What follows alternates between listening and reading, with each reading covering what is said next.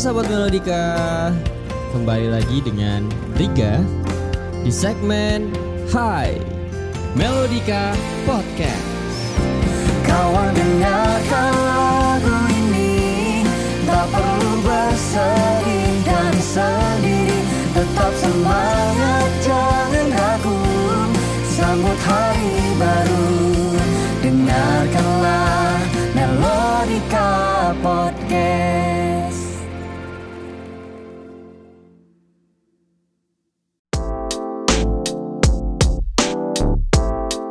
Halo sahabat Melodika, kembali lagi di segmen Hai, segmen yang ngobrolin info-info seputar kesehatan. Apa kabar sahabat Melodika? Gimana kabarnya? Baik-baik aja kan? Alhamdulillah, semoga tetap diberikan kesehatan ya. Eh, minggu ini kita masuk di episode kedua dari segmen Hai nih. Kalau di episode sebelumnya kita ngobrolin soal kesmas dan corona, Kali ini kita mau coba obrolin soal vaksin. Jadi masih nggak jauh-jauh sih dari corona ini. Sebelum kita lanjut ke topik bahasan kita hari ini ya, aku mau kasih tahu dulu nih yang bagi sahabat Melodika yang ingat eh, kalau aku tuh pernah nyampein kan di episode awal banget di episode 1 segmen Live Love saat perkenalan Melodika Podcast itu eh, aku pernah cerita tuh salah satu alasan kenapa aku bikin Melodika Podcast di situ aku bilang karena berawal dari kegelisahanku waktu itu eh, waktu masih di FKM UAD nah aku mikir kayaknya bakal keren sih kalau misalkan anak-anak promkes di sana bisa bermain juga dengan media podcast gitu kan. Nah baru-baru ini nih aku dapat info nih dari Bu Septian Emma Dwijat Mika eh, dosen bimbingan akademiku dulu. Dan ini juga dosen mahasiswa promkes di sana. Nah Eh, beliau bilang kalau akhirnya tahun ini tuh mahasiswa promkes di sana udah mulai berkecimpung di ranah podcast. Asik nggak tuh? Ya, jadi eh, beliau bilang gini, eh btw idenya Riga saya realisasikan tahun ini loh. Praktikumnya promkes ada buat podcast. Thanks masukannya. Asik. Wah, jadi dulu tuh ceritanya tuh aku dengan temanku si Ajib. Nah itu kita sempat cerita cerita gitu kan ke beberapa teman kita yang anak promkes di sana. Tepatnya kayak eh, mereka mereka Swas eh, Pika Marica. Eh, halo. Wah, ini anak-anak promkes dulu nih sesepuh sesepuh promkes. Nah terus juga cerita ke Bu Ian soal ide ini nih. Soalnya dulu aku pernah jadi asisten praktikum gitu kan di promkes ini salah satu praktikumnya itu ada siaran radio. Nah, akhir-akhir ini kan lagi rame banget nih ya podcast ya. Nah, aku pikir kenapa Promkes FKM nggak coba podcast? Fasilitasnya juga ada mendukung gitu loh kan. Jadi paling nggak ada satu podcast gitu milik Promkes FKM UAD di sana bisa jadi wadah mereka berkreasi, berinovasi, bersuara, diskusi, nyampein info-info kesehatan yang di mana juga bisa jadi wadah mereka melatih diri sebagai tenaga promkes nantinya gitu kan di lapangan. Ya seru pasti.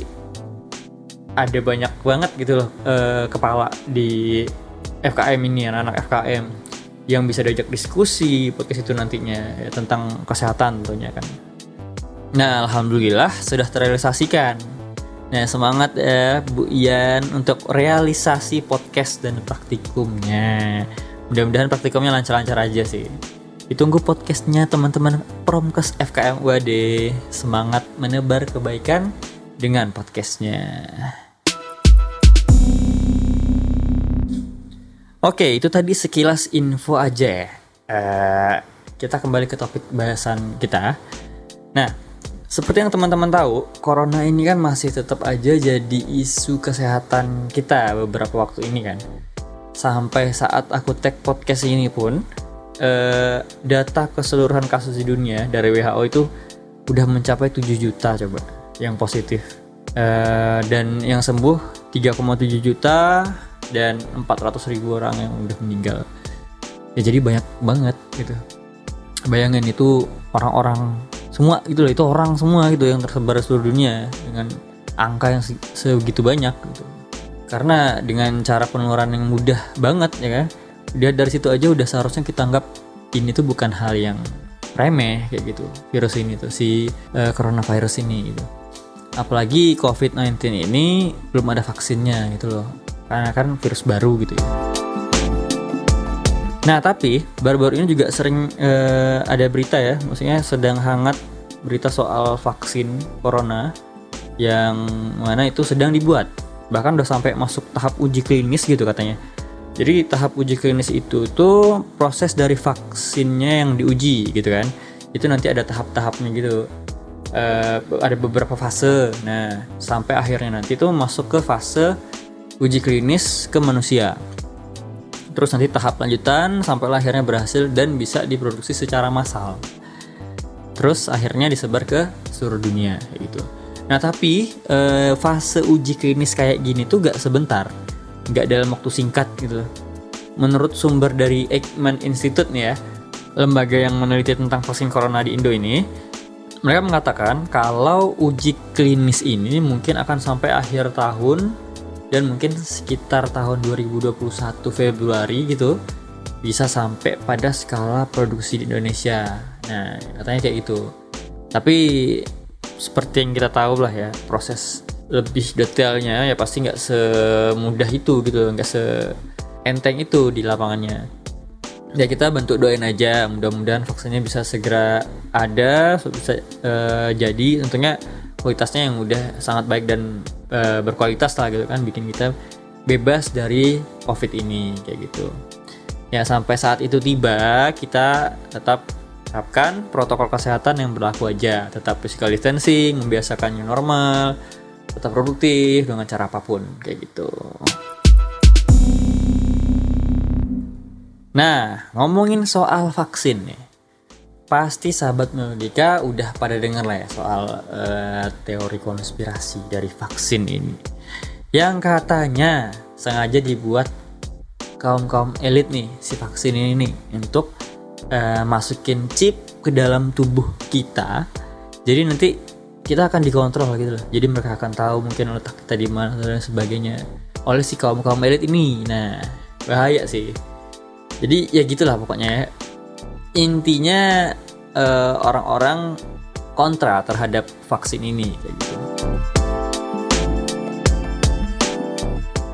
Oke terlepas dari semua itu ini kita kesampingkan dulu ya teori-teori konspirasi itu nah, sekarang kita bahas vaksin itu sebenarnya apa sih?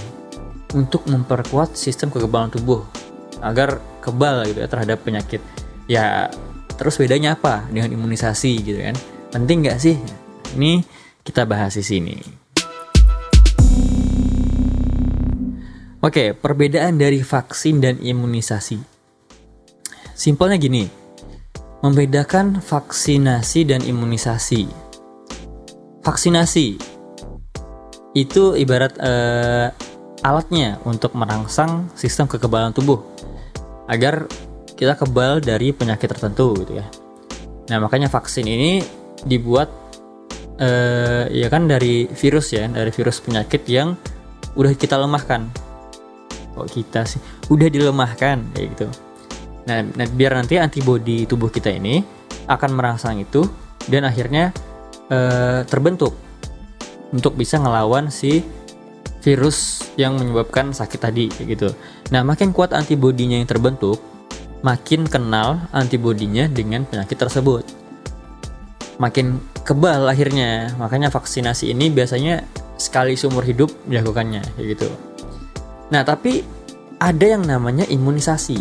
Nah, imunisasi ini apa? Imunisasi itu caranya untuk memperkuat sistem kekebalan tubuh. Gitu. Jadi kalau tadi vaksinasi itu alatnya, imunisasi ini caranya kayak gitu. Jadi dengan imunisasi ini tujuannya untuk memperkuat apa yang udah dilakukan saat vaksinasi. Nah, akhirnya walaupun cuma sekali vaksinasinya untuk kebal terhadap penyakit tertentu ini, tapi itu udah cukup karena diperkuat dengan imunisasi. Nah, jadi memang ada beberapa penyakit yang emang butuh berkala gitu ya pemberian vaksinnya agar benar-benar mantep gitu loh uh, antibodinya terbentuk. Nah, yaitu dengan imunisasi ini kayak gitu. Nah, kalau di Indonesia sendiri ada programnya sih. Jadi program imunisasi rutin lengkap namanya. Eh, dulu namanya ini imunisasi dasar lengkap, tapi sekarang udah berubah konsepnya. Sekarang eh, terbagi menjadi imunisasi dasar dan imunisasi lanjutan. Jadi imunisasi dasar ini ada lima vaksin dasar yang sangat diperhatikan agar kita terutama ya juga anak-anak yang baru lahir gitu ya. Nah, itu terhindar dari beberapa penyakit ini. Yang pertama ada vaksin polio. Nah, ini untuk penyakit polio atau lumpuh layu. Kemudian ada vaksin hepatitis B untuk penyakit hepatitis B yang di mana penyakit ini yang menyerang hati. Kemudian ada vaksin BCG untuk penyakit TB. Kemudian ada vaksin DPT eh, untuk penyakit difteri, pertusis dan tetanus. Dan terakhir vaksin campak untuk penyakit campak kayak gitu. Jadi 5 vaksin ini yang masuk dalam imunisasi dasar kayak gitu. Nah, kenapa 5 vaksin ini penting? Karena penyakit-penyakit yang disebabkan virus ini tuh sangat bahaya bagi tumbuh kembang anak. Tumbuh kembang anak bener kan kan? Oke. Bahkan dapat menyebabkan kematian gitu loh. Jadi itulah alasannya kenapa eh, lima vaksin ini termasuk ke imunisasi dasar gitu.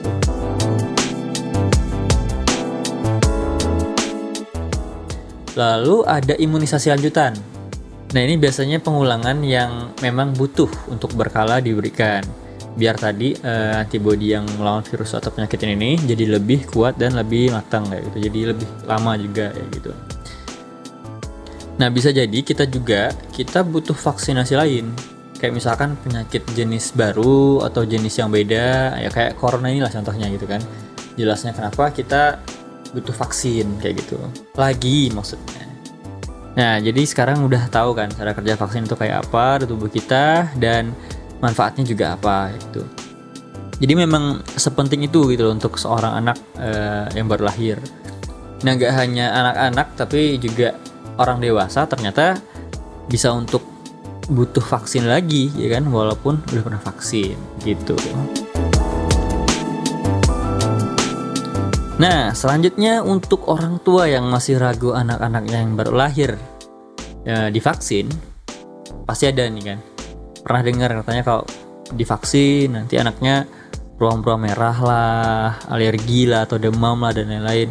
Nah itu memang karena efek samping dari vaksinnya kadang-kadang yang mulai bereaksi tapi nanti kan bakal hilang dalam 2 sampai 3 hari biasanya kan. Nah, makanya juga harus tetap konsultasikan aja gitu loh kondisinya terus dengan dokter.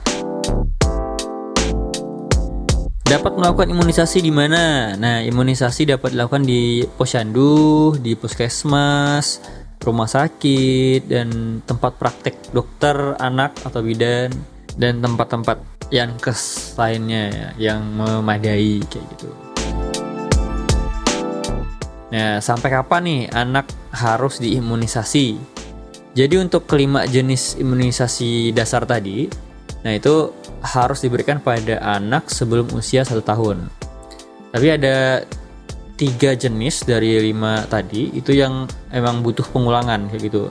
Yang biasanya di bawah tiga tahun itu harus udah ada pengulangannya kayak gitu. Nah apa aja?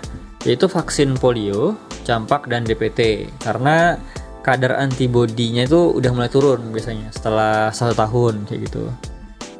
Lalu untuk BCG itu nggak perlu karena memang BCG ini cukup sekali dan itu bisa bertahan untuk seumur hidup gitu. Oh ya untuk oh suaraku kenapa jadi gede?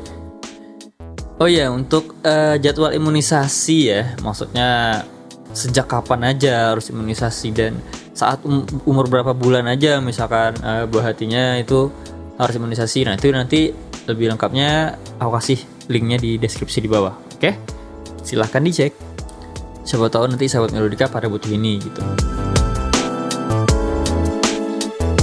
Nah, jadi memang vaksin dan imunisasi ini udah masuk di tahap pencegahan ya, guys ranahnya kesmas lah yang mana sebaiknya masyarakat umum juga harus tahu gitu loh untuk para orang tua yang sudah memiliki anak atau akan memiliki ibu hati jadi usahakan untuk selalu memenuhi jadwal imunisasinya ya Jadi eh, karena memang penting banget. Bahkan salah satu penelitian menunjukkan imunisasi ini terbukti mampu memberikan perlindungan dari serangan berbagai macam penyakit berbahaya lah. Ya paling enggak, kalaupun tetap terkena penyakit ini, kita nggak akan dapat gejala yang parah kayak gitu. Jadi tetap ya eh, konsultasikan dulu gitu ke dokter kalau misalkan mau divaksin atau imunisasi, biar nanti dapat rekomendasi yang sesuai kayak gitu.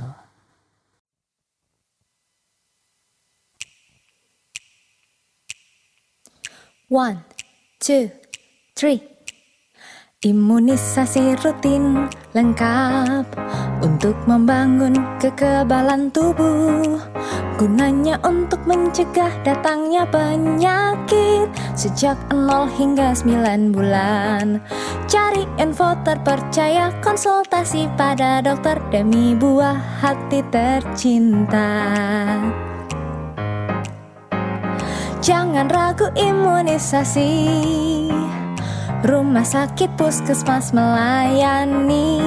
Ayo wujudkan buah hati sehat. Imunisasi rutin lengkap. Jangan ragu imunisasi.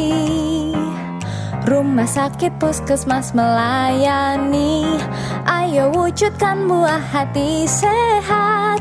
Imunisasi rutin lengkap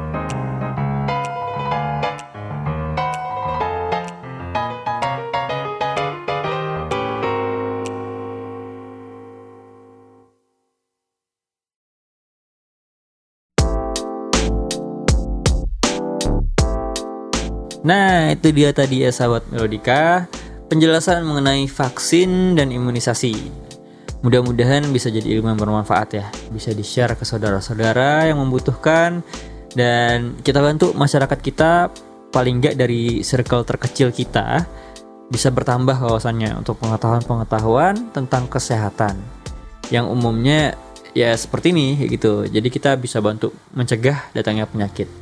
Karena mencegah itu lebih baik daripada mengobati. Sampai jumpa sahabat Melodika di episode-episode lainnya. Stay tune terus di Melodika Podcast.